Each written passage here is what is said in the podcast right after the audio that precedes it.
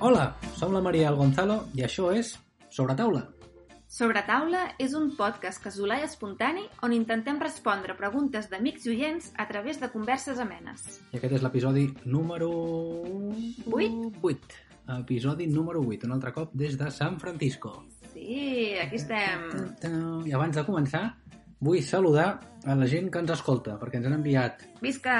uns quants missatgets de gent dient-nos que, que ens escolta i que moltes gràcies i que, bueno, sempre està bé, Ens no? fa molta il·lusió rebre Sí. aquests missatges. La veritat és que sí. A més, ens ha escrit gent que tampoc eh, no viu a, a Catalunya i ens ha dit que ens escolta quan està a l'estranger i així fa una mica de pràctica de català i, i bueno, ja està bé, no?, escoltar...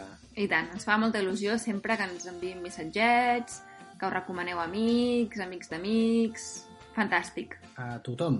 Ah, jo també vull saludar a, a la persona, perquè només hi ha una persona, Mm? que ens escolta eh, mitjançant una tablet. No sé si és un Ah. iPad o alguna així, però quan miro les estadístiques de la, de, dels oients que tenim i tal, Sí, sempre hi ha una persona que ens escolta des d'una tablet. només una. Una.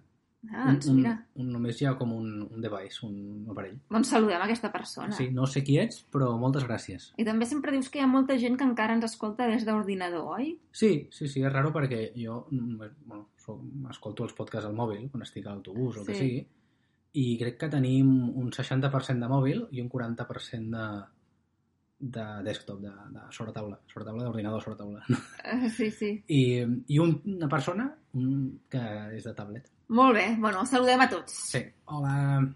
I bueno, i... Eh, I comencem. Jo, Comencem. mira, et volia comentar una notícia que just me l'han enviat avui, o sigui que Molt bé. és això pim-pam. Una bona notícia, espero, no? És una bona notícia, saps que a mi m'agrada compartir bones notícies. Molt bé, què diu?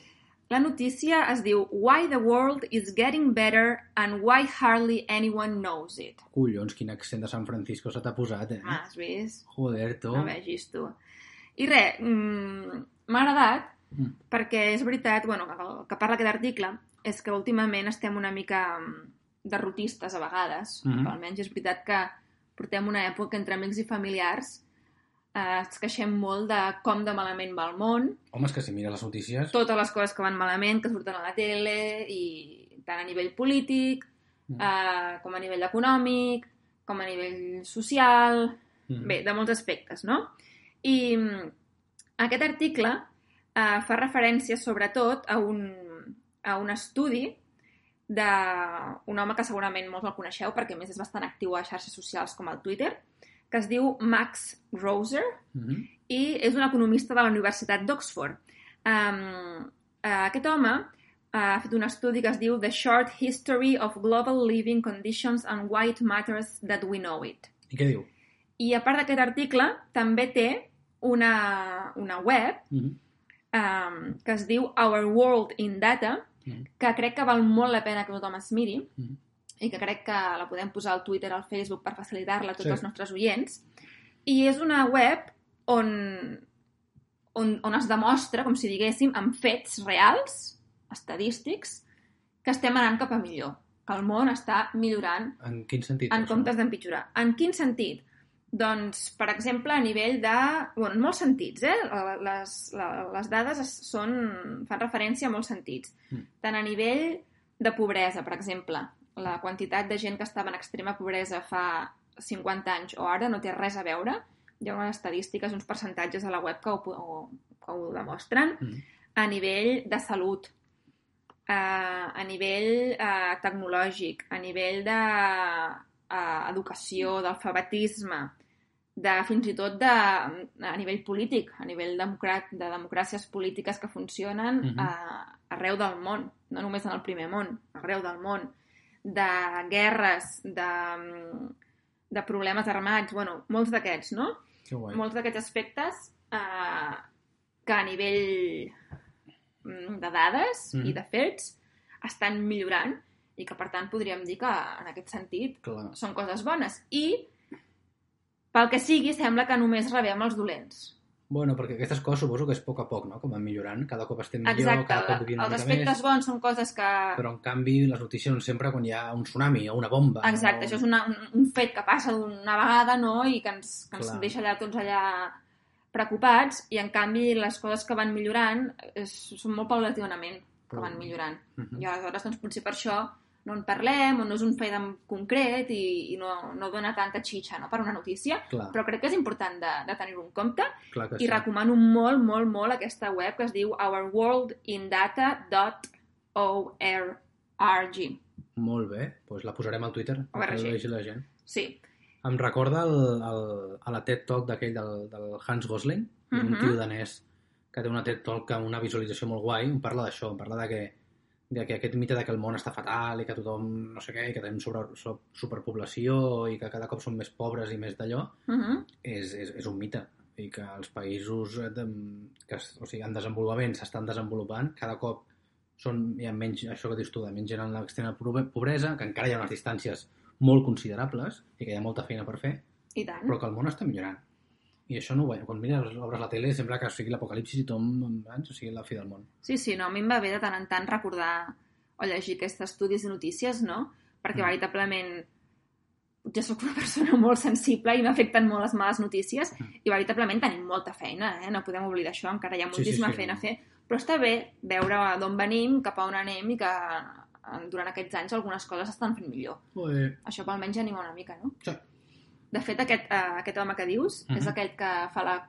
Em vas ensenyar aquell vídeo que fa la comparativa de Nigèria. Crec que és un molt bon exemple, quan Sí. diu que Sí, sí. parla de Nigèria només amb Boko Haram i... Clar. I després hi ha un munt de coses que no sabem de Nigèria, com que la, la seva pobresa està baixant, la majoria dels, dels nens estan vacunats, l'analfabetisme està també baixant a saco. Moltes Ah. noies que estan començant a anar també a l'escola, no? Exacte, i ara tenen un nou president amb unes eleccions que s'han considerat legals i, i, i com si diguéssim, que, que han funcionat, que no han estat, saps? No ha Sí. sigut un muntatge, ni, ni... O sigui, una democràcia més o menys consolidada. Sí, m'agrada quan fa la, la metàfora aquesta o la comparació dient, home, només si ens fixem amb el dit gros del peu, no?, que tinc la ungla allà feta amb el bé i no Sí. mirem a tota la persona, semblarà que tingui Eh. allà tot podrit i sigui un fàstic. Exacte. Però, en canvi, en general, doncs, estic prou bé, no? Mm -hmm. Està bé, m'agrada aquesta, Posaré el vídeo al, aquesta comparativa. al Twitter i al Facebook perquè ho pugui mirar tothom, perquè Sí. que és una, és una bona reflexió. I tant, molt bé. Et volia parlar d'un tema que vam parlar l'altre dia, de Sí. la bandera LGBT eh, del, del Pride, Sí, que anant per San Francisco, no sé si t'has fixat que hi ha moltes més banderes. sí. Ah, No només la Rainbow Flag és com la més típica, no? Però hi ha, Uh -huh. hi ha moltíssimes. Mira, i aquí t'ensenyo les que més hi ha. Hi ha un, un article a la Wikipedia Uh -huh. On posen totes les banderes que hi ha. La bandera de la... Eh, eh, no sé, de mil coses, de bisexuales, per exemple, de les, de, la, de les lesbianes, del pansexual, non-binary, eh, transgender. O sigui, cada una d'aquestes com subcultures dins del moviment LGBT també Mhm. té la seva pròpia bandera. I cada bandera té els seus colors i em sembla superinteressant. Com, ja, o sigui, aquí a San Francisco, que és una ciutat que, És- està molt sí, sí. activa, Sí, i si sí. t'hi fixes, hi ha, hi ha bastantes d'aquestes banderes que les pots veure pel, pel carrer. També podem posar un, un link al, al Twitter perquè Sí, la gent perquè es vegi les vegi. diferents... I tant, sí, banderes. perquè és interessant. És molt guai. I també dir que l'altre dia vam veure la pel·lícula del Harvey Milk, que Ah, es sí? diu Milk, Sí. i que qui no l'hagi vist, eh, apunteu-la perquè val molt, molt la pena. És bona, eh? A nosaltres ens va tocar molt, també suposo, perquè estem aquí visquent a San Francisco i és un... Mm. És una revolució, com si diguéssim, o que passa aquí a San Francisco, no? Sí. Uh, el que va fer i el que va significar tot el que va fer aquest home. És d'aquelles reaccions que et quedes com, com pot ser que això és als anys 70, quasi 80, Sí, sí, i sí. hi ha unes declaracions i unes, uns problemes i unes, unes desigualtats Increïbles. que, que ara mateix ens semblen sí, sí, abismals. Doncs apunteu Milk, Del Sean Penn. del Sean Penn, I el, com es diu l'altre, el guapo? El Franco. El James Franco. el James Franco. Molt guapo, sí. Doncs, si no l'heu vista, val molt la pena de veure. Bueno, passem a les preguntes, Sí, perquè, perquè si no, no acabarem. Està bé. Vinga, la primera pregunta diu Hola, sobretaula. Acabo de veure El Imperio contraataca i m'he adonat que el negre de fons de l'espai no és negre del tot. En canvi, la meva tele sí que és completament negra quan està apagada. Com pot ser? Per què no pot la pantalla apagar els píxels per aconseguir el color negre? Mm, Una molt bona pregunta. molt bona. Qui ens la fa? Eh, no tinc ni idea. No ho sabem. Això ens ho han enviat per mail i no sé qui és. És igual. Però bueno, gràcies per la pregunta. Molt bé. Um, llavors, no sé quin tipus de tele té aquesta persona, però la majoria de, de pantalles avui dia utilitzen una tecnologia que es diu LCD. Uh -huh. que és, eh, LCD vol dir Liquid Crystal Display. I bàsicament el que és és una, un punt de llum Sí? a darrere de la pantalla i entre el punt de llum i tu i els teus ulls hi ha una sèrie de mm, cristalls que un per cada píxel que el que fan és filtrar la llum que deixa passar i que tu veus. D'acord. Llavors, per exemple, eh, cada píxel pot té com tres colors que pot deixar passar o no. És el red, el green i el blue. O sigui, el vermell, el verd i el blau. Uh -huh. I, per exemple, si vol mostrar una imatge de color verd, el que fan els cristalls és no deixar passar el blau i el vermell. Llavors només et passa el verd, perquè la llum blanca, la llum de darrere és blanca. Uh -huh. Llavors, què passa quan hi ha negre? Que els cristalls pues, ho tanquen tot, com si diguéssim, i intenten que... deixen- o sigui, L'objectiu és que no passi llum, llavors vegi, vegis negre. Però aquests cristalls no són prou bons, la tecnologia que tenim avui dia no és 100% fiable i hi ha una mica de llum que es filtra, sempre, sempre. Perquè en un píxel d'un altre costat estarà oberta, vols dir. També, però igualment, encara que tanquis... O sigui, això és veritat, que si tens un píxel al costat que està obert, llavors es filtra una mica cap al del costat, però encara que els tanquis tot, el, el, el cristall aquest no és com si poguessis una cartolina, saps? Que és completament opaca. Uh -huh. Llavors, per això, encara que posis tot negre, la llum que hi ha darrere blanca és molt potent i es filtra una miqueta i deixa passar una mica de llum. Per tant, has d'apagar la tele totalment i que no hi hagi res de llum perquè es vegi negre, negre. Clar, però si apagues la tele no, no, no veus Sí, res. sí, però vull dir, per això, quan Sí. apagues la tele sí que es veu totalment negre i en canvi... Sí. I ara hi ha noves tecnologies que no sé si has vist el, el, el FNAC i aquests jocs, i l'OLED i el, i el QLED, que milloren aquest, aquest que es diu sangrat, que és com que, que surt una mica de llum dels Mhm. píxels i fan que els negres siguin més negres. I es veu, la veritat és que és la diferència. És la típica tele que veus allà al, al, al, al Media Market o el que sigui. Aquella que pensa, si plau que no em caigui i no la trenqui perquè costa molts diners, oi? És el que penses tu? és el que penso jo quan la veig Jo per allà al penso- costat. Joder, que bonica com mola aquesta imatge. Jo penso, no giris i no li donguis un cop de cul a la motxilla perquè si no tindrem un problema.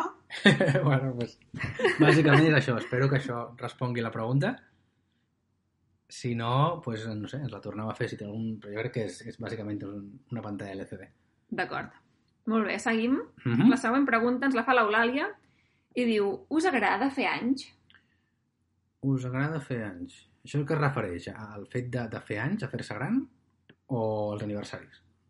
Podem parlar de les dues coses, del fer-se gran i, i del celebrar l'aniversari. Eh, vale. A mi fer-se gran, quan ha passat ja una edat, no fa ni puta gràcia. Uh -huh. perquè ja no, no, no, no creixes, sinó que vas cap a baix, una mica, no? Com si diguéssim. Ja. I encara que encara que doncs, no estem prou fotuts, no? I això sempre el que et diuen a la vida, quan ja veuràs quan arribi jo a la meva edat, no? Però, però a mi no m'agrada fer-me gran. A mi m'agradaria tenir 20 i pico anys tota la meva vida i no haver de, de fer-me gran. Però t'agradaria tenir 20 i pico anys tota la vida sent més madur cada vegada o sent com eres quan tenies 20 i pico anys? No, no, no, que el temps passés igual, que jo aprengués de les experiències, però que el meu físic, És a dir, a nivell físic. Sí, sí, sí, D'acord. Bueno, estic preguntant, no ho sé. clar, clar. O sigui, La... Però el temps passaria igual. No, no vull dir de, de Clar, quedar... però els aprenentatges que, van, que vas fent i les experiències que vas visquent perquè vas uh, fent anys, Mhm, aquestes les t'agradaria seguir-les tenint. Sí, L'únic que t'agradaria quedar-te com en un cos de 20 i pico sí. per estar a la flor de la vida, no? Sí, per De salut, d'energia, de força, tot això et refereixes. Sí. D'acord, molt bé. No, estic d'acord amb aquesta part, estaria molt bé, la veritat. Però sí que és veritat que a mi, tot i que seria genial, això de quedar-te ben sa i fort i fantàstic, és interessant fer-se anys en el, fer anys en el sentit aquest de anar acumulant experiències i vivències i aprenentatges i tot això, no? Aquesta part de fer els anys, com si diguéssim. Sí, sí, sí, clar, clar, però això és inevitable, el temps passa. O sigui, això no es pot... Bueno, sí, però podries estar en una caixa tancat i no Ja, aprendre res, i no sí. tenir vivències ni no, no. experiències, Això no. o podries tenir 20 anys i quedar-te amb les experiències dels 20 anys. No sé quina part de la maduresa, de quan una persona madura i es fa gran, Mm. depèn de, també del físic. O sigui, tu el dia, el típic dia que et despertes amb 20 i largos, 30 pocs, amb una ressaca de la parra i ja no tens els 20 i pocs anys i dius, hòstia, puta, ja potser que deixi de beure tant o d'anar tant de farra, Mhm, això és madurar també, i t'ho diu el teu cos, és el teu cos que et diu, que diu mm, frena una mica, no? mhm. Potser sense aquests warnings del teu cos no maduraríem mai. O no, no, potser sí, no ho sé. No ho sé.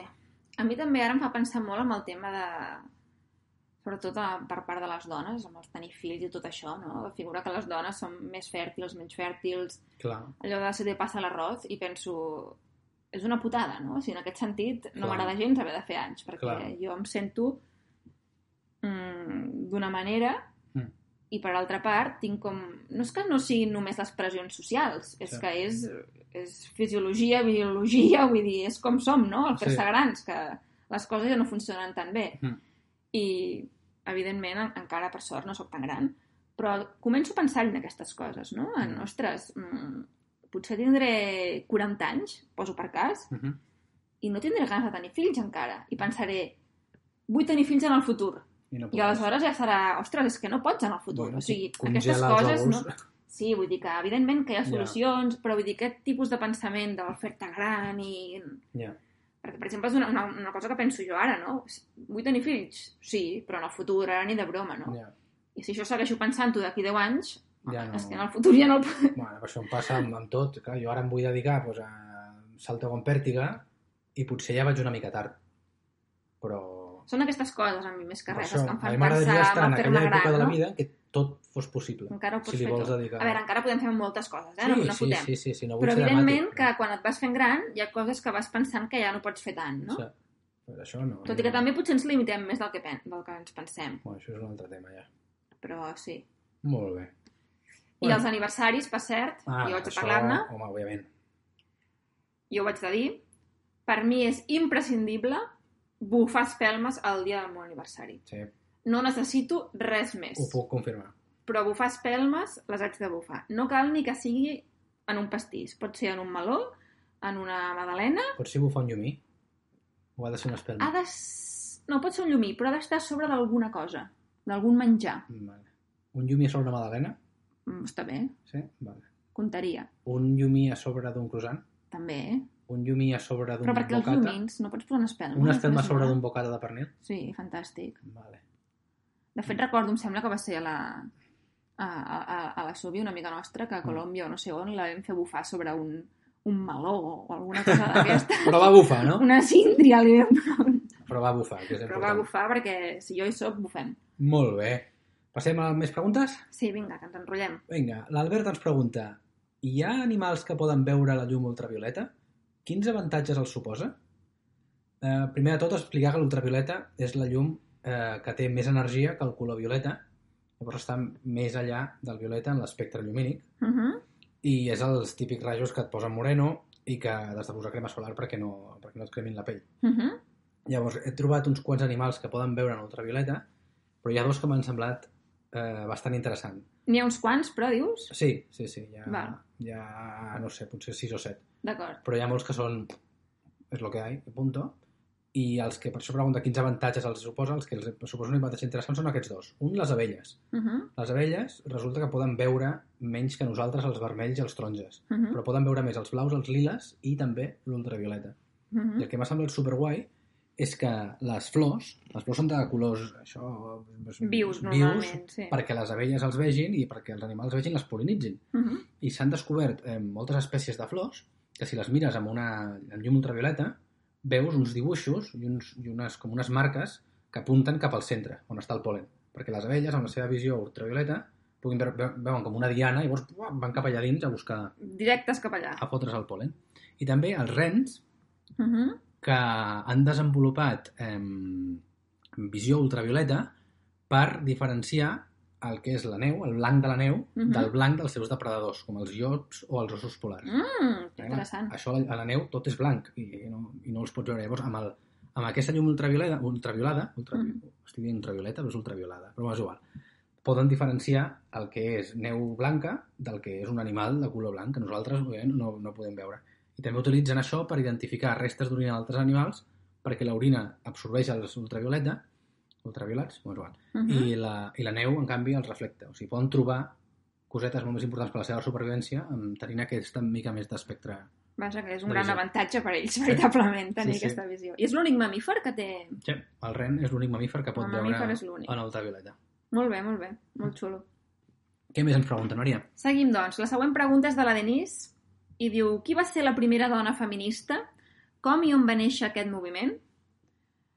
Evidentment, la primera dona, la primera dona és Mm. difícil de saber, Sí. però mm, podem començar amb el que en diem el període protofeminista, que és el que mm, ve abans del feminisme tal i com, comencem, com coneixem avui en dia. Ah, Uh, primer de tot, fa- farem referència a la República de Plató.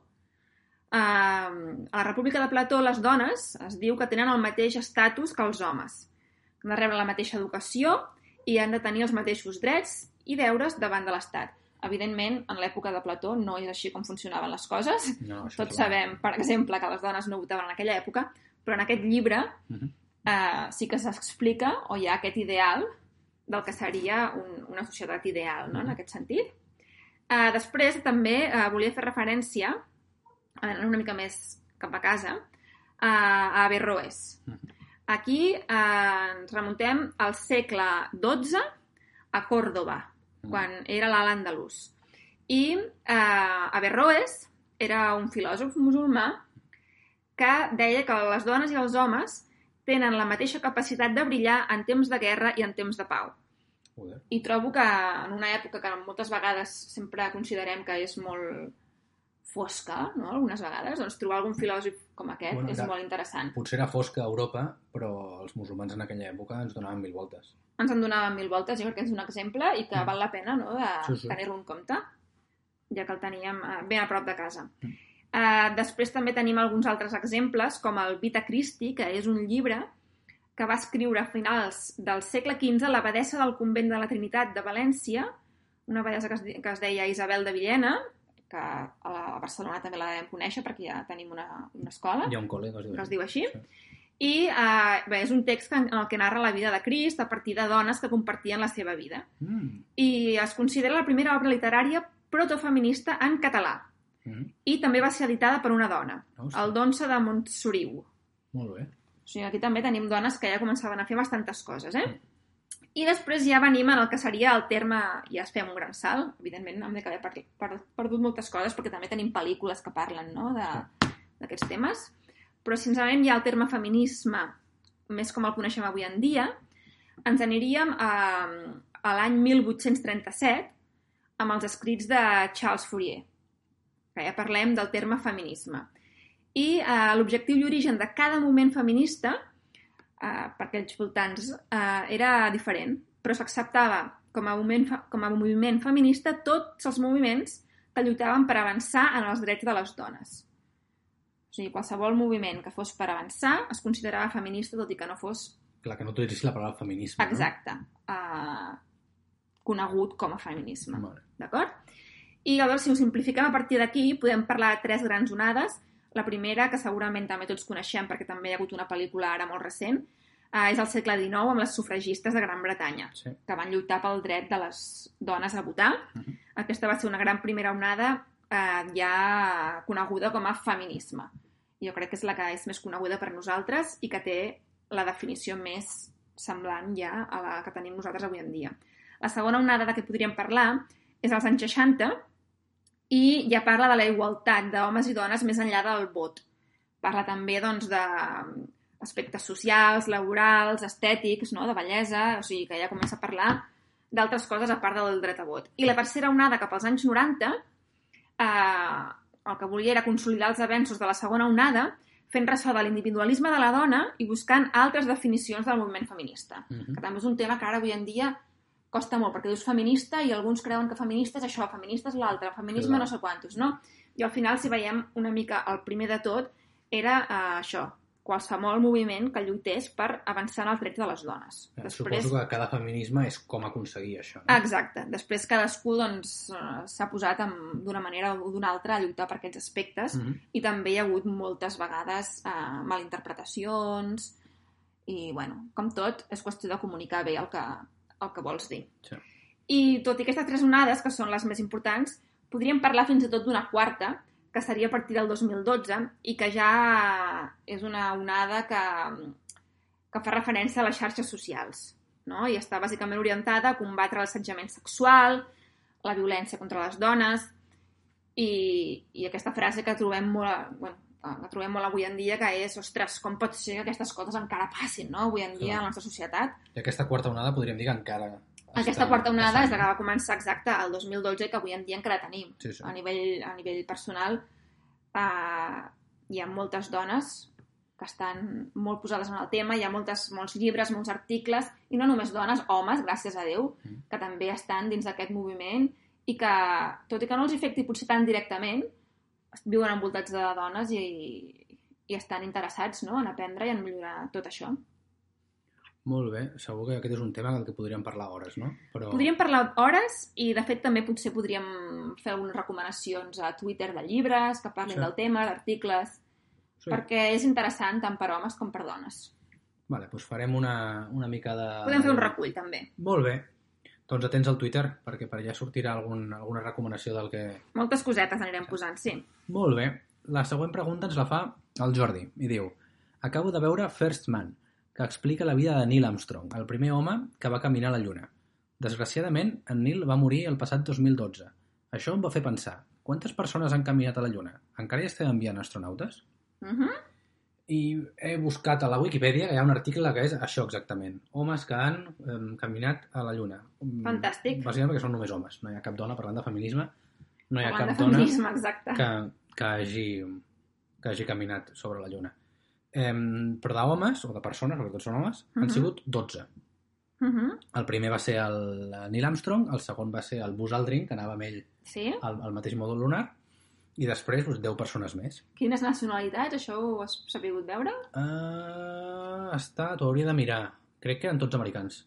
D'acord. Crec que els russos no van a cap, però això ho dic una mica de memòria, eh? no ho sé el 100%. Està bé, està bé. Però crec que són tots de la, de la, de l'Apolo, del programa Apolo de, de la NASA. Eh, L'última missió va ser a l'Apolo 17, el 1972. Eh, I des de llavors no hem enviat cap persona a la Lluna, o sigui, a caminar sobre la Lluna. Hi ha hagut... Eh, No hi ha hagut interès.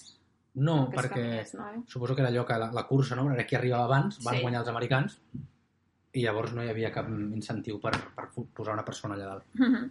De les 12 persones que han caminat a la, a la Lluna, només 4 estan vius ara mateix, el 2018, quan estem gravant això. Uh -huh. I el més jove d'aquests 4 té 83 anys. Carai, clar. O sigui que probablement d'aquí uns anys no quedarà cap persona viva a la Terra Que hagi caminat. que hagi caminat a la superfície lunar. De fet, he mirat um, com es diu això? Amb expect life expectancy, saps? Amb Sí, l'esperança sí. de vida. I hi ha un 90% de possibilitats de que no quedi ningú um, el, que hagi caminat sobre la Lluna al 2030.